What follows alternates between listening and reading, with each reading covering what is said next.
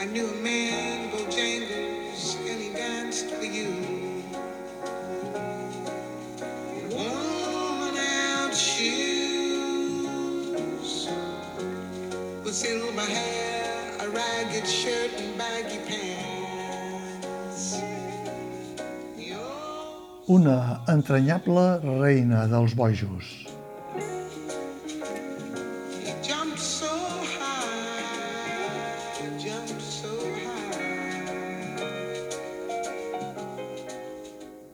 Les direccions escèniques de l'actor, dramaturg i artista polifacètic Paco Mir, extricicle de per vida, són sempre polides, afinades i amb una exigència evident darrere d'un intens treball d'intèrprets que es deixa entreveure en cadascun dels seus moviments, dels seus detalls, dels petits secrets escènics i fins i tot en l'ús de la paraula. I això que Paco Mir s'ha passat anys sense parlar a l'escenari. Tot això conflueix en aquesta comèdia tan amable com punyent que ell prefereix anomenar dramèdia. Atenció, afeccionats als neologismes, sense entradet als diccionaris. Paco Mir parteix d'un bon material original, un relat escrit, potser per atzar, i convertit en un best-seller, en Attendant Bojangles, d'Olivier Bourdeau, que ja havia adaptat al teatre la dramaturga Victoire Berger-Perrin, que ha tingut també una adaptació cinematogràfica fa tres anys, dirigida per Regis Ranzar, i que Paco Mir ha readaptat amb el seu segell personal al teatre amb una certa llibertat en relació al relat original, com per exemple canviant el fill de la parella protagonista per una filla. Una de les primeres apostes que sedueixen els espectadors des de la primera paraula i que no deixarà de fer-ho durant tota la representació és precisament la narració del personatge de la filla d'aquesta parella singular. Una filla interpretada per Lua Amat, actriu a la vintena, formada entre altres escoles a la Memory i que desprèn una gran maduresa, potser perquè trepitja els escenaris des de petita i perquè ha estat una de les cares de la telenovela com si fos ahir en el paper de la Patri. L'actriu Luamat és una de les tres baules de la trama perquè es posa en la pell de l'autor i introdueix amb la seva narració com si expliqués un conte curt de Dorothy Parker amb una vocalització nítida i tan enyorada en molts altres intèrprets de la seva generació, cadascuna de les escenes que en 90 minuts recorren la vida d'aquesta parella de fet, excèntrica, lliurada a la lucidesa i la bona vida, i que sembla que l'autor va recrear, inspirant-se, poc o molt, en la mítica parella d'escriptors nord-americans formada per Francis Scott Fitzgerald i Zelda Fitzgerald.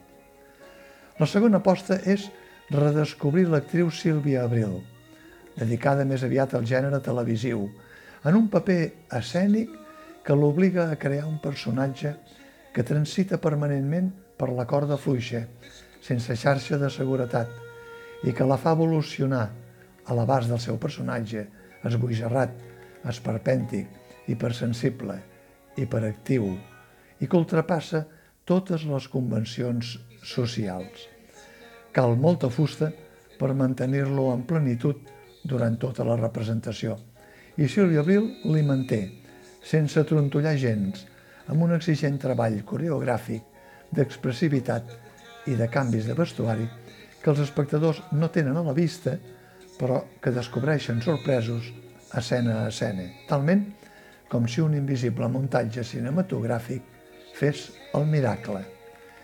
I la tercera aposta és la del veterà actor Lluís Villanueva, en el personatge del pare, un empresari jubilat, més aviat prejubilat, dedicat a escriure les seves memòries, presumiblement sense cap ni peus, i a complaure la seva parella des de la primera trobada, quan es coneixen en un congrés, fins a l'últim mutis. Villanueva és un actor que sap mesurar l'humor amb finesa, portant-lo a la màxima seriositat, i expandeix aquesta virtut per tot l'auditori. El trio interpretatiu eleva el to de la comèdia. No m'atreviria a dir-ne comèdia de boulevard ni que sembli un ganxo, malgrat el seu origen francès, i transporta els espectadors fins al punt de la rebatejada dramèdia en boca del seu director. Vull dir que durant la trama, de la qual més val no desvelar gaires secrets, si els espectadors no han estat abans lectors de la novel·la original, hi ha somriures i llàgrimes, com diria aquell. I tant els somriures com les llàgrimes tenen el seu punt escènic més tendre i també el seu punt escènic més agre.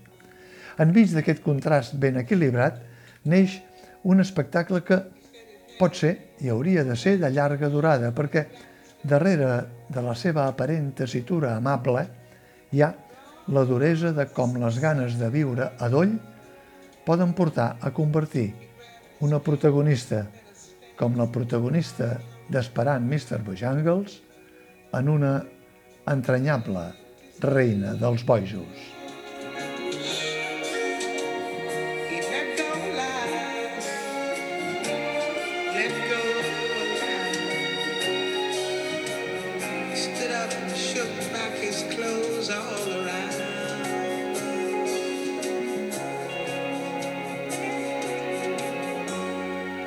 Danced for those at minstrel shows and county fairs.